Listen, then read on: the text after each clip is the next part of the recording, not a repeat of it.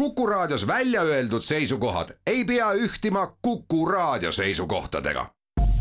Te kuulate Kuku Raadiot. spordireporter.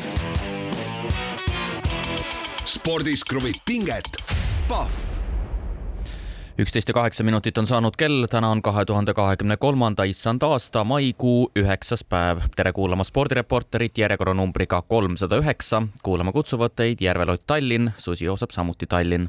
Haaksõna spordireporter töötab Twitteris nii nagu ikka, selle kaudu on võimalik esitada, läkitada meile küsimusi, mõtteid, tähelepanekuid, millele vastamise võtame ette saate kolmandas osas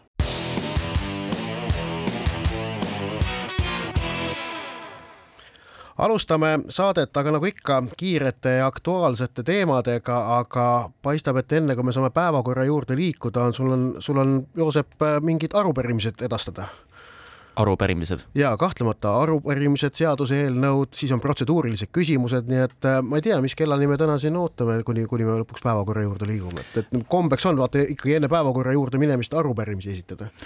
kuna see esimene teema algab? No siis, kui on arupärimiste voor ennast ammendanud ja, ja protseduurilisi küsimusi ka enam mitte kellelgi ei ole, et kas sul on praegu mõni protseduuriline küsimus? ei, lähme asja juurde. hüva, teema number üks ning räägime korvpallist, sellepärast et Eesti meeste korvpallimeistrivõistluste äh, sõelmängud poolfinaalfaasis on äh, käimas, on täies hoos ning pakkusid eile õhtul ühe väga põneva ja haarava pingelise ning alles kaks sekundit enne kohtumise lõppu lahenduse leidnud kohtumise. jutt käib siis äh, Tartu ja Pärnu meeskondade poolfinaalseeriast, mille esimene mäng toimus eelmisel teisipäeval, selle võitis võõrsil mänginud Pärnu viieteistkümne punktiga, seitsekümmend üks, äh, viiskümmend kuus ning teine mäng äh, Pärnus lõppes samamoodi külalisvõistkonna selge võiduga, Tartu oli Pärnus parem üheksakümmend viis, kaheksakümmend üks.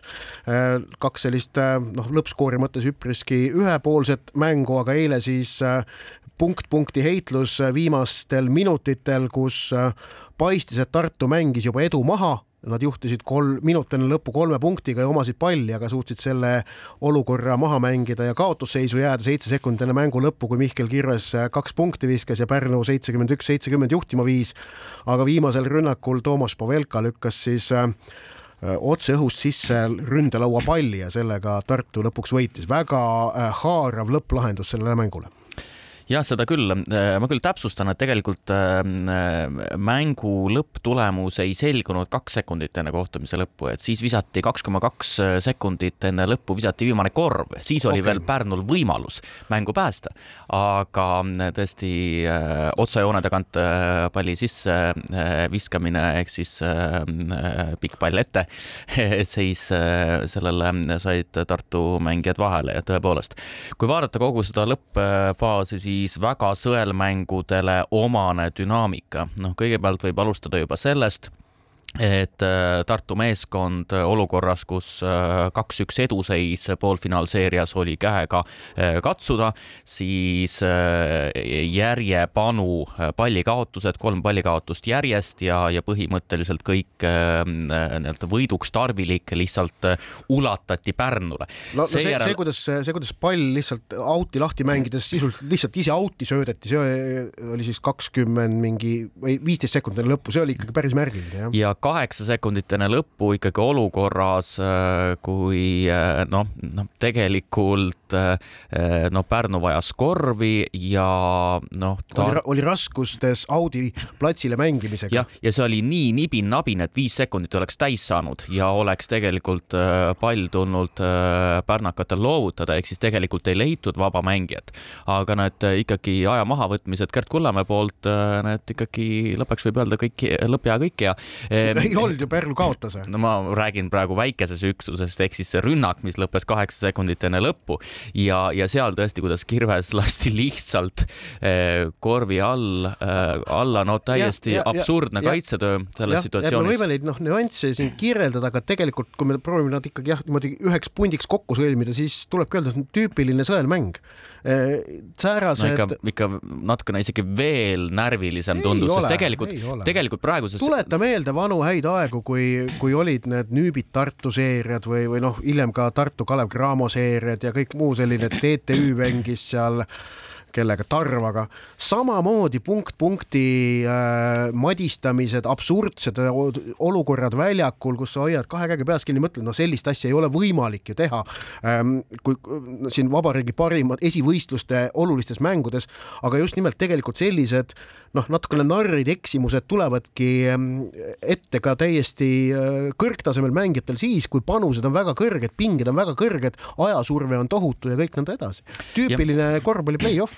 Nojah, okei okay., ühesõnaga Tartu oli minemas kaks-üks ette, loovutati vabatahtlikult Pärnule võimalus minna ise kaks-üks juhtima ja siis lõppkokkuvõttes ju võideti kohtumine ründelauaga põhimõtteliselt. mis lükati otse õhust äh, lauapõrkest omakorda sisse, et see oli selline kergelt nagu võrkpallilüke Toomas Pavelkalt, millega ta palli korvi saatis. jah, aga äh, noh, mis tegi selle ikkagi veel eriti närviliseks, on ilmselt ikkagi asjaolu, et et äh, mängitakse ju kolme võiduni, mis tähendab, et äh, sellistes ähm, võrdsete meeskondadega äh, vastasseisudes kaks-üks eduseis on juba väga tugev näitaja. praegu on tegelikult no Pärnu ikkagi väga keerulises situatsioonis, et ei oleks lastud ikkagi nagu oleks kaitselaud ära võetud, lõpuks oleks Pärnu kaks-üks ees ja täiesti teistsugune poolfinaalseeria. nii et noh, ikkagi väikesed jah ja et see on praeguse seisuga, praeguse seisuga kõige otsustavam kohtumine oli see eilne, eks ole, onju. ja praegu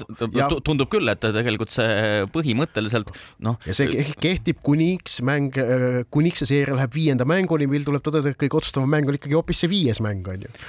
noh ah,, no nii, nii see asi käib äh, sõelmängudes. ma tahan ise veel ühe asja märkida, mis mulle nendest mängudest, nii palju kui ma olen näinud, olen silma jäänud, on, on Mihkel Kirvese tegutsemine, et, et ta on ikkagi korvpallur, keda on äge vaadata võistkonnaaladel on vaja äh, mängijaid, kelle selline isiklik aura ja, ja tema väljakul viibimine mõjub publikule magnetina, et äh, et äh, on olemas mängijad, kelle tegutsemine väljakul on küll võistkonna jaoks võib-olla isegi hoopis kasulikum aga kes jäävad nähtamatumaks ega, ega tõusetu ka publiku jaoks niivõrd olulisse rolli. aga Mihkel Kirves on see, keda on mm, Pärnu, Pärnu juhtmängija siis, keda on, keda on lihtsalt äge vaadata, see, kuidas ta võitleb, kuidas ta võistkonna heaks töötab, otsib igalt poolt neid võimalusi, kuidas äh, Pärnu meeskonna mm, esitust parandada, et tema on üks selline mäng, keda on äge vaadata, et noh, et äkki, äkki, äkki Tartus kunagi, see on nüüd päris ammusel ajal, natukene selline äh, Toomas Liivak tuleb meelde jah, no äh, kindlasti nagu otsustavaks sai ikkagi äh, Tšehhi Tomaš Pavelka ähm, äh, tegutsemine, kes vahepeal noh, võrreldes siis põhiturniiriga sedavõrd palju mänguaega ei saanud, aga, aga jah, lõppeks kakskümmend minutit mängis eile ja, ja viimane liigutus sai otsustavaks, ehk siis see korvialune jõud on, on praegusel hetkel määrav aga no seeria läheb edasi, teises seerias näib olevat asi võrdlemisi selge, ehk siis Kalev Cramo juhib äh, Viimsi vastu mängudega kaks-null, viimati võideti no väga kindlalt kahekümne nelja punktiga kaheksakümmend kuus, kuuskümmend kaks. Ja kolmas võib-olla siis selle poolfinaalseeria viimane kohtumine leiab aset täna õhtul pool kaheksa Kalevi spordihallis mängitakse. jah, ning Pärnu ja Tartu vaheline neljas mäng on siis kavas homme õhtul Pärnus, kui vaja läheb viiendat mängu, siis see omakorda reede õhtul Tartus. jah, nagu arvata võis, et kui veerandfinaalseeriad olid väga ühepoolsed, jah, siis äh, mängiti kokku kolmteist kohtumist, ehk siis vaid ühes seerias äh, nii-öelda lõppeks kaotanud võistkond sai ühe võidu kätte, äh, siis äh, no. ikkagi kolm-kaks võitis Pärnu ju. õige, jah, vabandust täpselt nii ja no nagu oodata võis, siis Tartu-Pärnu vastasseis on tasavägine, aga teiseks seal on noh, ikkagi peidus selline põhimõtteline intriig, mis toob publiku saali ja eile ka eh, tublisti üle tuhande pealtvaataja, vist tuhat kakssada pluss jah, ehk siis atmosfäär on olnud poolfinaalseeriates väga hea. nii, aga läheme edasi ning liigume jalgpalli juurde, sellepärast et kodustel jalgpalli meistrivõistlustel sündis ikkagi korralik pauk. Eh, just nimelt laupäeval eh, sündis tänavuse hooaja vaieldamatult kõige suurem üllatus, kui kodustel meistrivõistlustel tabeli viimane, seni võiduta Harju Laagri punastes särkides alistas seni kaotuseta Levadia rohelistes särkides. tulemusega kaks-üks Levadia asus kohtumist küll juhtima, aga jäi vähemusse ja Laagri võiduvärav sündis seitsmendal üleminutil, kusjuures võit jah, on Harju meeskonnale siis ajaloo esimene kõrgliigas, üks viigipunkt on neil varasemast käes, aga nojah, paarkümmend sekundit enne Laagri võiduväravat oli paari meetri pealt võimalik Levadial kolm punkti ikkagi kindlustada, aga pall raksatas paremasse posti. aga ma arvan, siin on oluline rõhutada, et see laagrivõit ei olnud ikkagi mingi selline täitsa pime juhus. Äh, tegelikult olid ka laagril üks-üks seisul veel võimalused, ka nemad lõid üks-üks seisu peal posti, nii et see. mängisid ka ülekaalus, jah? ja no jah, sellest nad selle arvulise ülekaalu teenisid välja sellega, et nad sundisid vastast rikkuma määruseid niimoodi, et vastane sai punase kaardi äh,. nii et äh, see, see ei olnud selline nüüd, kuidas öelda, klassikaline outsider seisab üheteistkümne mehega kaitses ja peksab palli minema ja siis üksikust kontrarünnakust äh, suskab ühe ära, et, et see täitsa selline võit ei olnud, vaid oli ikkagi Laagri suutis anda Levadiale jalgpallilahingu ja, ja tollel, tollel hetkel üle olla. Premium-liiga sellisele tervikule mõjus see muidugi väga hästi ja toniseerivalt, et kui viimane suudab võita esimese, siis see mõjub igale jalgpalli kõrgliigale väga ergustavalt, ergastavalt äh, ning äh, noh, kõige suurem rõõm sellest tulemust oli kindlasti FC Floral, aga Laagri vaatevinklist ja ma arvan, see on ka tähtis, et äh, nemad kõrgliiga uustulnukana oleksid mängus sees, et, et see meeldiv õhin, mis praegu Laagris selgelt valitseb, kus käib ka palju publikut mänge vaatamas, ei kaoks ära siin hooaja esimese poolega, kui nad ainult kaotusi saaksid, mida noh, seni nad olid üheksa kaotust saanud, mida on päris palju ikkagi. et, et säärane tulemus annab ka neile tabelis nüüd lootust jällegi ikkagi hoida kontakti seal Tammeka ja Transiga ning kokkuvõttes, mida sidusam see kõrgliiga on, seda parem äh, see, see sellele liigale endale ja no Laagri lööb siis keskmiselt ühe mängu kohta natukene vähem kui ühe värava, aga näiteks Tartu Tammekast on löönud rohkem väravaid. Ehm, aga tabeliseis siis tõesti selline, et äh, üksteist kohtumist äh, peetud tabeli esiotsa satsidel e, ja seis on selline, et Floral ja Levadial mõlemal kakskümmend kuus punkti, sest Flora tegi muljetavaldava esituse mm, Nõmme Kalju vastu ja mm, võitis kindlalt selle kohtumise, olgugi et jäädi kaotusseisu, aga alates kaotusseisu jäämisest noh, näidati ikkagi sellist vana head Florat, võiks öelda. aga mis on tabeli puhul ikkagi nagu põnev, et äh, kui me vaatame, et esimene, teine Flora Levadia sama pulga peal, okei okay., aga kolmas on praegu Pärnu Vaprus ja seejuures olukorras, kus Kuressaarel on üks mäng vähem peetud ja omakorda Kuressaare võidu korral võiks tõusta kolmandaks, ehk siis äh, Pärnu kolmas, Tallinna Kalev neljas ja siis me vaatame selle tahapoole, et seal on alles Nõmme Kalju ja Narva Trans. no ei, Nõmme Kalju kuues, Paide linnameeskond seitsmes. vastupidi. Äh, jah, aga no, aga, aga neil mõlemal äh, ütleme siiski äh, punktiliselt veel mingit kriisi käes, sel, sel, selles mõttes ei ole, et nad nagu medaliheitlusest väljas oleksid. tõsi on see, et kullaheitlus on, tänavu paistab väga selgelt Flora, Levadia vaheline asi. miinus aga..., miinus kolmteist punkti juba praegusel hetkel. aga lähme edasi, teema number kolm ning räägime vehklemisest. epee vehklemise Grand Prix etapp nädalavahetusel Kolumbias aset leidis ning ning pika vigastuspausi järel naasis rahvusvahelisele areenile Tokyo olümpiapronks Katrina Lehis.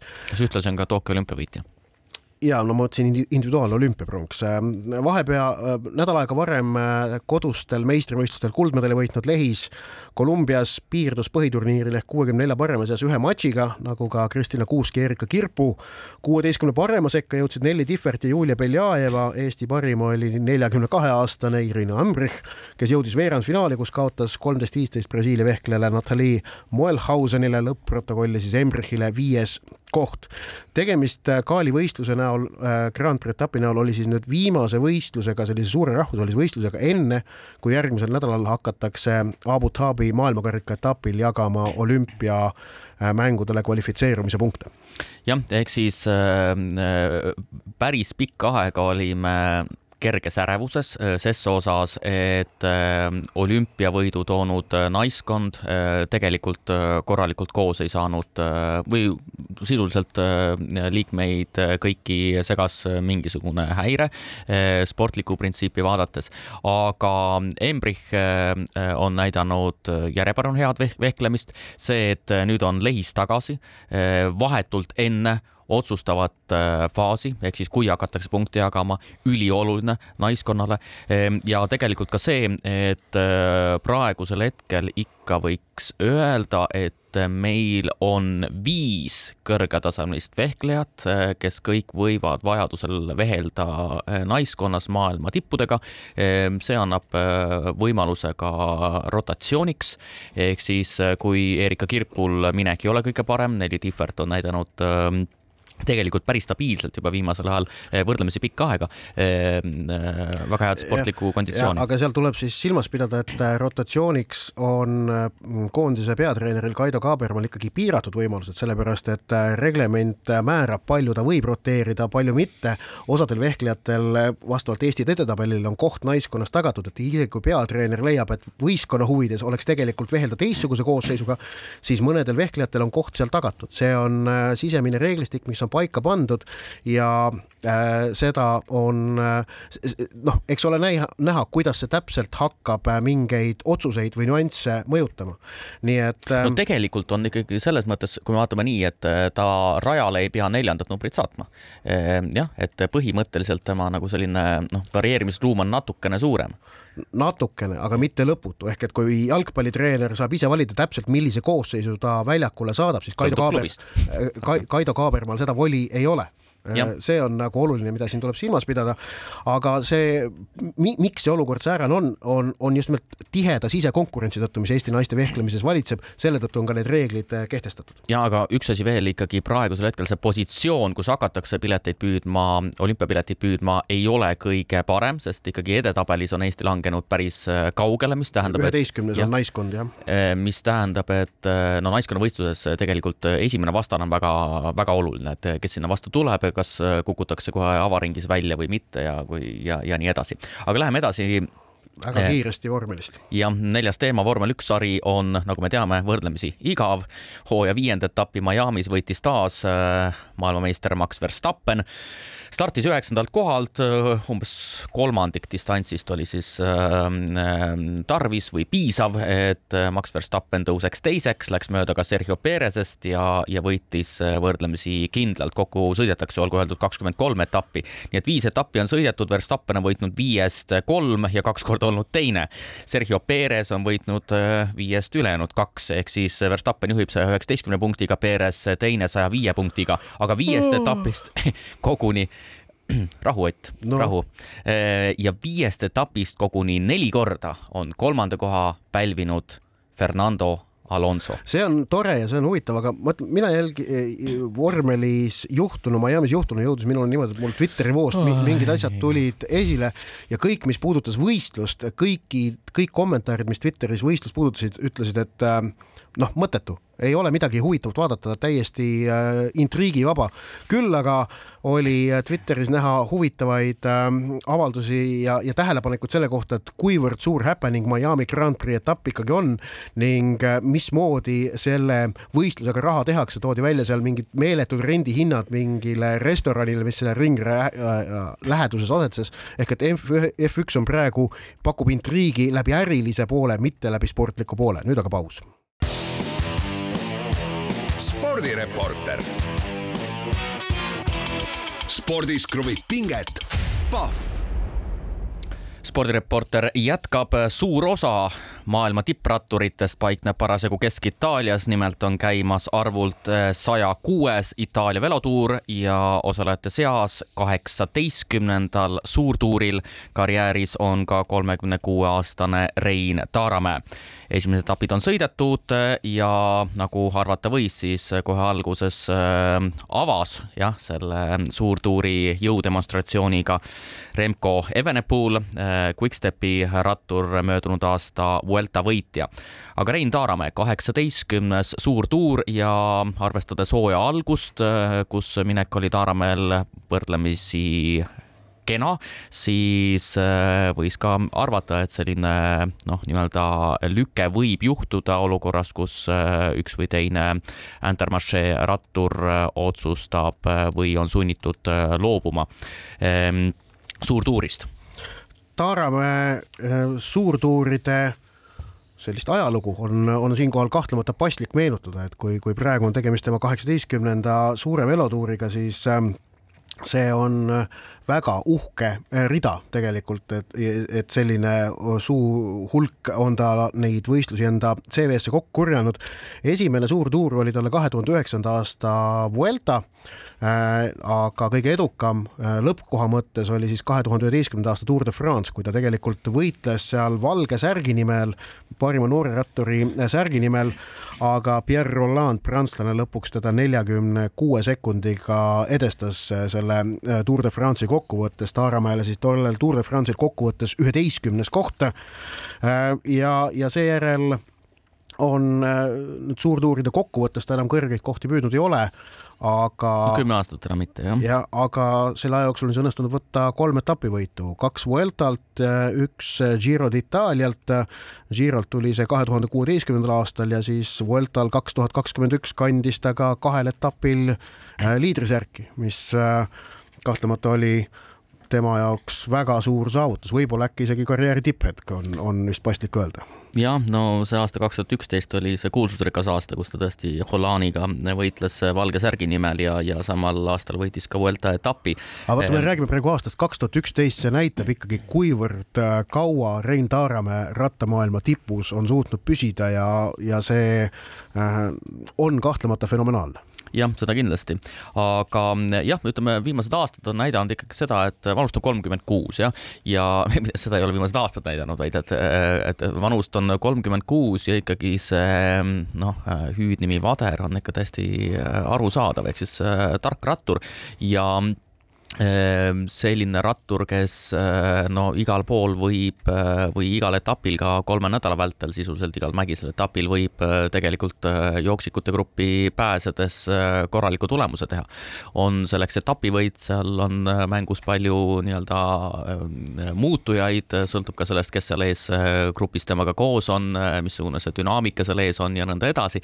aga no selgelt Intermarché on ka selline Äh, tiim, kus äh, ikkagi iga etapi võit on ikkagi suurtuuril suur kordaminek ja, ja sellist selget liidrit äh, sellel tiimil ei ole Girol, nii et ma arvan, et eesmärk on nii palju kui võimalik eri etappidel jooksikute gruppi pääseda tiimil laiemalt ja, ja Taaramäe, ma kujutan ette, et olgu siin kolmandal etapil sattus ta ka kukkumisse ja, ja pudenes sealt eesotsast äh, ära, äh, mis annab tegelikult noh, teatud mõttes ka lihtsama võimaluse juba esimesel mägisemal etapil äh, tegelikult jooksikute grupiga eest minna. et no ta ei ole ohtlik üldkokkuvõttes enam ja, aga väga sümpaatne on olnud kuulata ka Taaramäe enda kommentaare siin Giro d'Itaalia eel ja avapäevadel, kus ta on sellise, näha on, et ta, ta on nagu, ta on nagu selle olukorraga, et ta seal võistleb ja et tal, ta teab, et tal on teatud võimalused, ta on selle olukorraga tohutult rahul, ta on selle üle väga õnnelik ja on ilmselgelt rahul ka selle oma staatusega praeguses äh, jalgrattamaailmas ja sellel, sellel Giro skeenel. Mm, seda on kaunis näha ja see on, äh, ma arvan, üks selline äh, hea hetk, mis näitab, et kuidas, kuidas tippsportlane saab hakata väga magusaid vilju lõikama siis, kui ta on seda tööd vaata et üle kahekümne aasta juba teinud, kui on saavutanud sellise üleoleku selle sõna heas mõttes kogu olukorra üle. Ähm, noh, see on selline veterani äh, mõnulemine, millega tegelikult Taaramäe ju praegu tegeleb, kui ma nüüd saab kasutada sõna mõnulemine kolmenädalase ja kolme tuhande kilomeetri pikkuse võistluse kohta. jah, äh, jah, see hoiak tippspordi suhtes on igati eluterve, kusjuures Taaramäe ei ole selle tuuri vanim rattur kaugeltki mitte. nimelt Domenico Pozzovivo on neljakümne aastane, kusjuures noh, huvitav on ses ses osas äh, just asjaolu, et äh, just nimelt seesama Intermarché äh, tiim otsustas siis Potsovivole mittelepingut pakkuda või jah, siis Eh, noh, ma arvan, et Pozzovivo võib ka siin eh, heal päeval midagi, eh, midagi korda saata.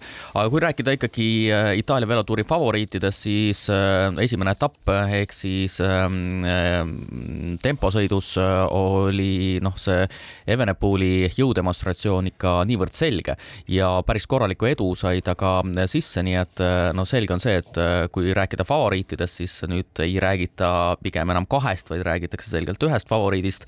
Vuelta võitis ta eelmisel aastal aastal ka nii, et oli kuusteist äh, päeva Äh, liidrisärgis. Äh, mida suudab Primož Roglic, see on põhiline küsimus. Sloveen mm, on ilmselt suurim konkurent, no siin on välja toodud ka teisi, noh, kasvõi jälgitakse vanameister Geraint Thomast kolme ja kes on samuti kolmekümne kuuene, aga ilmselt ikkagi kahe mehe vahel see, see tuuri võit otsustatakse. ja no vaadates rahvusvahelise ajakirjanduse pealkirju pärast Remco Evenepoeli äh, võitu Giro esimesel etapil, mis oli siis kahekümne kilomeetri pikkune eraldi start, siis need ikkagi kuulutasid äh, või prognoosisid väga ühepoolset Girot, mida belglane äh, il, siis ajakirjanike arvates valitsema hakkab. no mm, õnneks on tegemist kolme nädala pikkuse võistlusega, nagu öeldud, kolm tuhat nelisada nelikümmend kaheksa kilomeetrit on tänavuse Giro äh, kogupikkus. Äh, selle käigus võib alati igasuguseid asju juhtuda ja me oleme ka aastate jooksul näinud, et, et on ka suurfavoriidid välja pudenenud ja praegu on ikkagi sõidetud alles veel kolm etappi kahekümne ühest aga noh, prognoosid on tõesti väga sellised sinnapoole, et Evenepoel seda, seda Girot valitsema hakkab no ja, ja vastuargument on seotud sellega, et äh, Primož Roglic äh, on tänavusel aastal äh, startinud kahel võistlusel ja mõlemas näidanud ikkagi suurepärast minekut jah, et esimesel võitis kõik särgid, mis on ja ja, ja, ja teises oli, oli ka mägedes väga heas seisus, nii et eks ole näha. Rein Taaramäe puhul lihtsalt see põhiküsimus võib-olla on, et kuidas ta enamikel etappidel suudab ennast hoida, missuguste jooksikute gruppidesse ta mahub ja kas see vorm, äh, mis on olnud äh, siin hooaja alguspoolel väga hea, et kas see püsib ka viimase nädalani, kus võib-olla see võimalus oleks kõige suurem. nüüd aga teeme pausi ja siis võtame ette kuulajatelt laekunud küsimused. spordireporter. spordis kruvib pinget, Pahv spordireporter jätkab. Joosep Susi Ott Järvel jätkuvalt Kuku raadio Tallinna stuudios ning meie saate kolmas osa kuulub, nagu ikka kombeks on, kuulajatelt laekunud küsimustele. ning alustame Klaara arupärimisega eelmisel nädalal arutasite, et millisel spordialal oleks Eestil kõige keerulisem olümpiamängudele jõuda. ise arvan, et äkki naiste riistvõimlemises, mida meil sisuliselt ju ei eksisteeri, aga mis on maailmas väga populaarne. ent küsida tahan hoopis seda, et milline spordiala peaks olümpiamängude kavva kuuluma, mis sinna praegu ei kuulu jah, tegelikult see riistvõimlemise mõte on minu arvates igati asjakohane, jah, et. aga lõpuks ikkagi igal individuaalalal on selle ühe olümpiasportlase Äh, ühe sportlase olümpiatasemele viimine ikkagi lihtsam kui võistkonnaaladel, kus sul on vaja tervet võistkonda. jah, no ilmselt selline vastuargument on, et riistvõimlemine on selline spordiala nagu ka enamik spordialasid ikkagi, mis äh, väliselt on individuaalsed, aga nagu päris individuaalsena ei saa seda käsitleda, et võib-olla kettaheide on küll selline, millega saab äh, nii-öelda individuaalselt hakkama, kui on head taustajõud ja nii edasi. aga noh, juba sellised alad nagu ma ei tea, alates malest kuni, kuni riistvõimlemiseni välja, et need on sellised alad, mis tegelikult see noh, nii-öelda äh, konkurents, seltskond ja nii edasi on väga oluline, mis seal ümberringi treening, treeninggruppi on vaja just. aga, aga küsimus siis, milline spordiala peaks kuuluma olümpiamängude kavva, mis sinna praegu ei kuulu? ma arvan, et siin äh, sellele, see on, see on hea ja huvitav küsimus, mida, mida lahata, aga siin ei tasu hakata minema tingimata spordialade põhiselt, vaid pigem äkki vaadata valdkonnapõhiselt. et, et millist, äh, millised valdkonnad hetkel on olümpiamängudel esindamata ja, ja siis mõelda, et kas, kas seal oleks mõni hea kandidaat ähm, ja teine asi tuleks vaadata, on ju suve- ja talimänge lahus.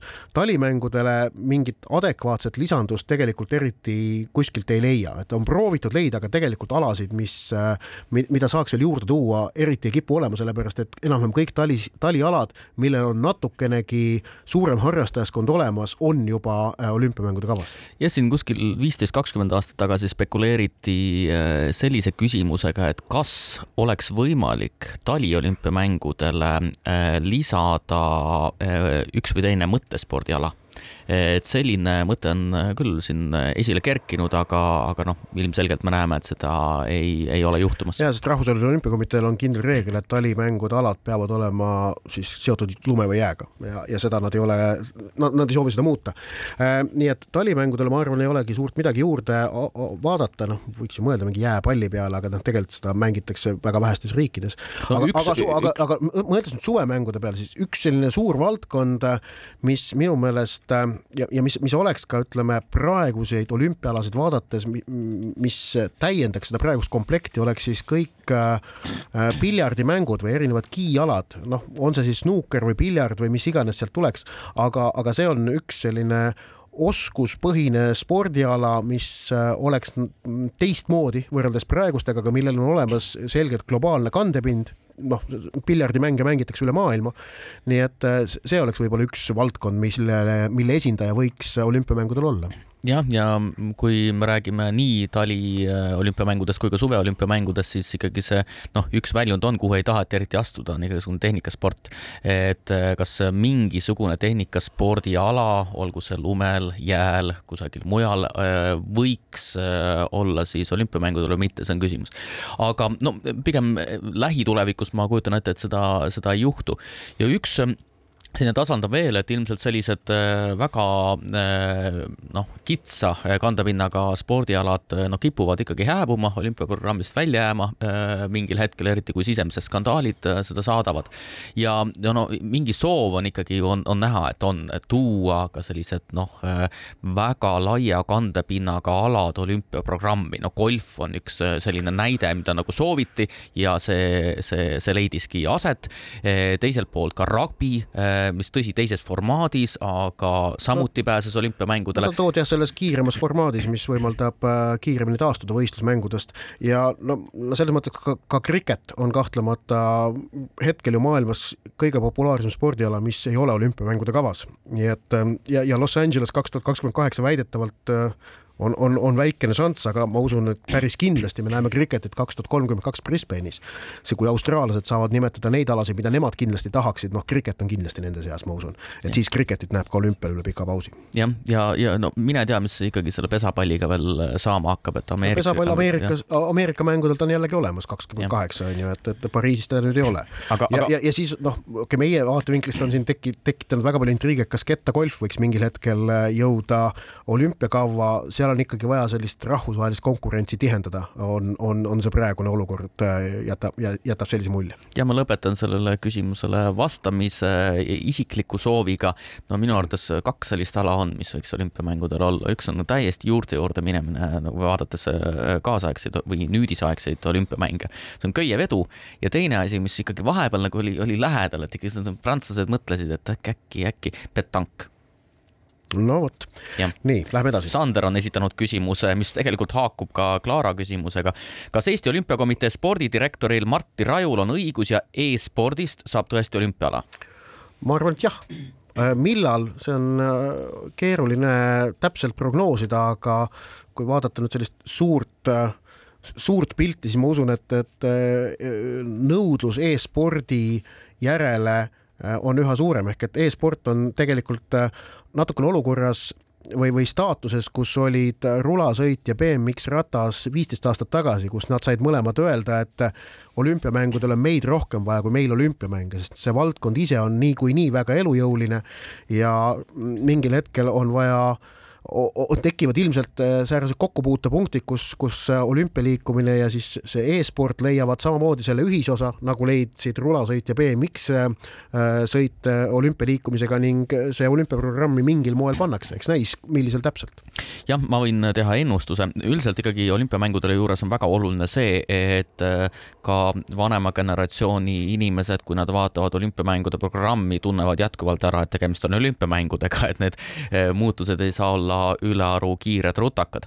aga eh, teiselt poolt ma võin sellise ennustuse ikkagi teha, et kolmekümnendatel, kolmekümnendatel olümpiamängudel või noh, siis või siis noh, neljakümnendate hakul eh, proovitakse vähemalt, katsetatakse ühekordselt eh, e-spordi ühte spordiala. No, ei, ma olen kolmekümnendad, ma arvan, on väga hea pakkumine nojah, see on, noh, võib siis nelikümmend. kolmkümmend kaks, kolmkümmend kuus ja nelikümmend, jah. noh, neli, ma mõtlesingi, et võib-olla nelikümmend on okay. see, see aasta, kui, kui nagu proovitakse, aga, aga, aga, aga jah, ütleme siin kuskil kahekümne aasta pärast, ma arvan, et vähemasti katsetatud seda juba korra on Ralf tahab teada, korvpallikohtunik Rain Veerandi teenindas Eurokapi finaalmängu Gran Canaria ja Ankara vahel sellest tulenevalt küsimus, kes on teie meelest kõige kõrgetasemelisem Eesti spordikohtunik ja kas kohtunikuna on konkurentsi tihedal alal lihtsam või keerulisem läbi lüüa kui sportlasena?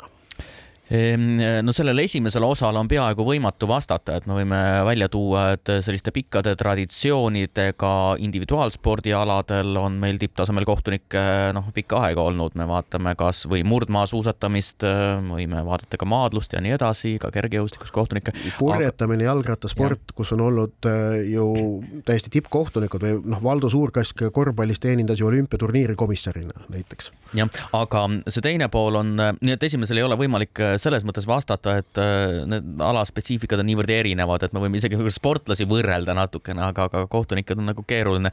aga teiselt poolt, äh, et kas kohtunikul on konkurentsi tihedal alal lihtsam või keerulisem läbi lüüa kui sportlasena.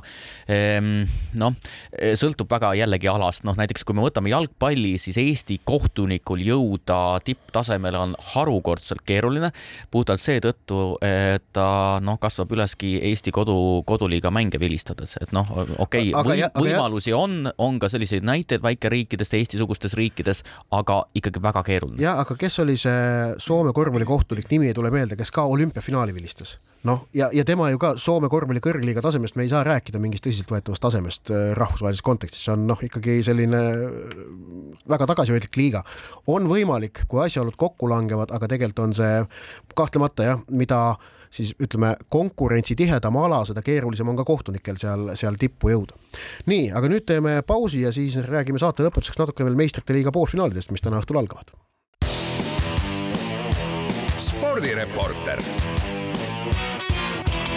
spordis kruvib pinget, Pahv spordireporter alustab oma tänase lõpusirgega ning kuna Euroopa jalgpalli meistrite liigas alustatakse täna õhtul poolfinaalkohtumistega, siis räägime saate lõpetuseks põgusalt just nimelt jalgpalli meistrite liigast. noh, Euroopa kõige rikkamast klubivõistlusest on vist niimoodi tegelikult aus öelda no,. vist üldse kõige rikkamast võistlusest?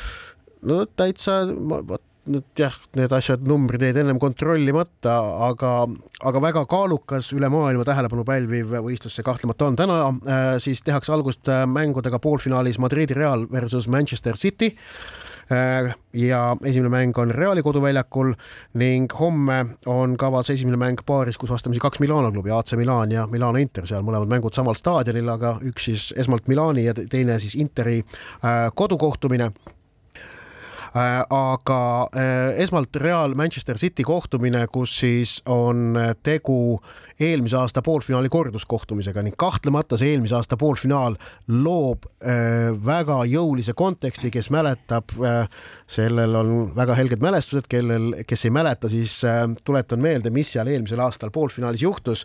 juhtus niimoodi, et veel korduskohtumise kaheksakümne üheksandal minutil Manchester City juhtis seda duelli kahe mängu kokkuvõttes viis-kolm, aga siis Rodrigo lõi kahe minutiga kaks väravat, seis viis-viis, mäng lisaajale, kus Madridi Real Karim Benzema penaltist võitis ja marssis finaali, kus nad võitsid Liverpooli. nii et äh, see eelmise aasta poolfinaal kahtlemata seda Real mm, City tänavust poolfinaali ka mõjutab jah, kui äh, vaadata kahte poolfinaali, äh, siis äh, no selles mõttes erinevad teekonnad on olnud satsidel, et kui Inter ja Milan mõlemad oma alagrupis said teise koha, ega eriti veenev ei olnud see edasipääs, siis Real City mõlemad ikkagi noh, võiks öelda, et tegelikult päris selgelt võitsid grupi, pääsesid edasi ja vaadates ka edasist teekonda, siis Itaalia klubidel on raskustega tulnud, aga Real no purustas Liverpooli, purustas Londoni Chelsea ja nüüd on järjepanu kolmas Inglise klubi. Manchester City alistas Leipzigi kaheksa-üks kahe mängu kokkuvõttes, siis Müncheni Bayerni neli-üks. nii et no ikkagi sellised satsid, no sisuliselt võiks, võiks öelda, et siin on tegemist ikkagi varjatud finaaliga kuigi me ei tea loomulikult, mis kui, kui finaal oleks kahemänguline äh, nagu on poolfinaalid ja muud sõelmängud, siis ma oleks nõus, et ta on varjatud finaal, sellepärast et äh, noh, kahe, kahe mängu kokkuvõttes kahtlemata outsideri šansid ju vähenevad ja, ja favoriidi šansid suurenevad. Aga noh, kuna finaal on ühe mängu põhimõttel mängitav, siis, siis ikkagi mitte. ja teiselt poolt vaadates eh, Milan on siis kõigepealt eh, napilt saadi Tottenhamist jagu, siis eh, samuti ühe väravaga Napolist saadi jagu ja eh, jõuti poolfinaali ja teiselt poolt Inter, no Portugali oli, oldi hädas, pääseti ühe väravaga edasi ja siis Benfica natukene kindlamalt.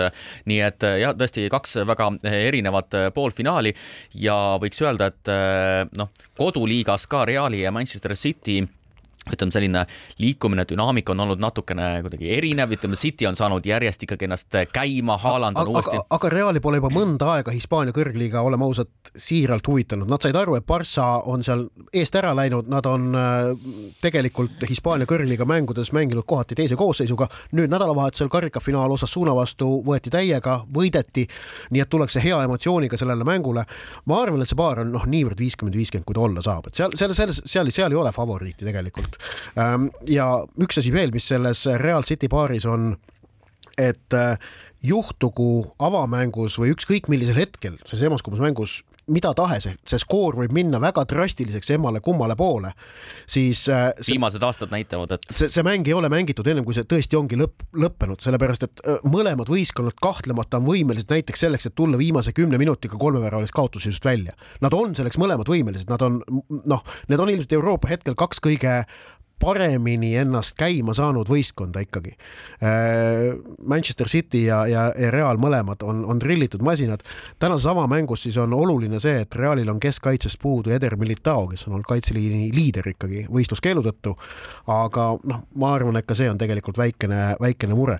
aga teine poolfinaal on ikkagi Itaalia jalgpalli jaoks suur pidupäev et Itaalia klubi jalgpallil pole olnud ju pikka aega põhjust rõõmustada, Torino Juventus eelmisel kümnendil kaks korda meistrite liiga finaalis mängis, need mõlemad finaalid nad kaotasid. Äh, nüüd äh, on kindel, et emb-kumb Itaalia klubidest ka tänavu finaalis on ja, ja Itaalial, kellel jalgpallil on siin ka ju maailmameistrivõistluste finaalturniiridelt järjestikuste eemalejäämistega olnud, äh, olnud põhjust peeglisse vaadata, tõsi jah, Euroopa meistriks jällegi vahepeal tuldi, siis, siis see, ma usun, kokkuvõttes on nende jaoks ikkagi pidupäev jah, no viimati Itaalia klubi jõudis poolfinaali ju kaks tuhat seitseteist, kaks tuhat kaheksateist hooajal, kui Rooma kaotas äh, Liverpoolile ja nüüd on selge, et üks Itaalia sats äh, mängib meistrite liiga finaalis, nii et äh, no Ita Itaalia liigale või Itaalia jalgpallile on see harukordselt oluline. aga tõesti sellest, ütleme poolfinaalis räägitakse veel võrdlemisi vähe, kuigi ma kujutan ette ka, et mõlemad on nii-öelda ähm, finaalis kindlasti üllatusvõimelised. aga see on jällegi aga... loogiline, sest et erinevate riikide klubide vastasseis tekitab alati suuremaid riike riigi, see, see on, see on täiesti paratamatu, see on loogiline ja, ja nii see ka on. ja no maailm räägib tegelikult ikkagi väga konkreetselt ikkagi noh, kahest nimest ikkagi, kumb on siis maailma parim äh, ründaja praegusel hetkel, Haaland või Benzema? No ma vaatan, et siin räägitakse väga palju ka Ancelotti versus Guardiola vastasseisust, aga meil on aeg liikuda soovituste juurde, mina soovitan sel reedel jälgida sellist vahvat jalgpallikohtumist nagu Nõmme Kalju versus Harju Laagri. Nõmme Kalju on Premium-liigas kaotanud neli mängu järjest, Harju Laagri alistas viimati Levadia, intriigi on selles naabrite madistamises kõvasti. jah, mina soovitan pilgud pöörata Portugali suunas, autoralli maailmameistrivõistluste hooaja viies etapp leiab aset just nimelt seal kuna vormel ühes sportlikku intriigi napib, sest Red Bullid valitsevad, siis on üheks pidepunktiks osutunud hoopis neljakümne ühe aastase veterani Fernando Alonso käekäik, sel puhul üks kaunis laul Abalt. Can you hear the drums, Fernando? I remember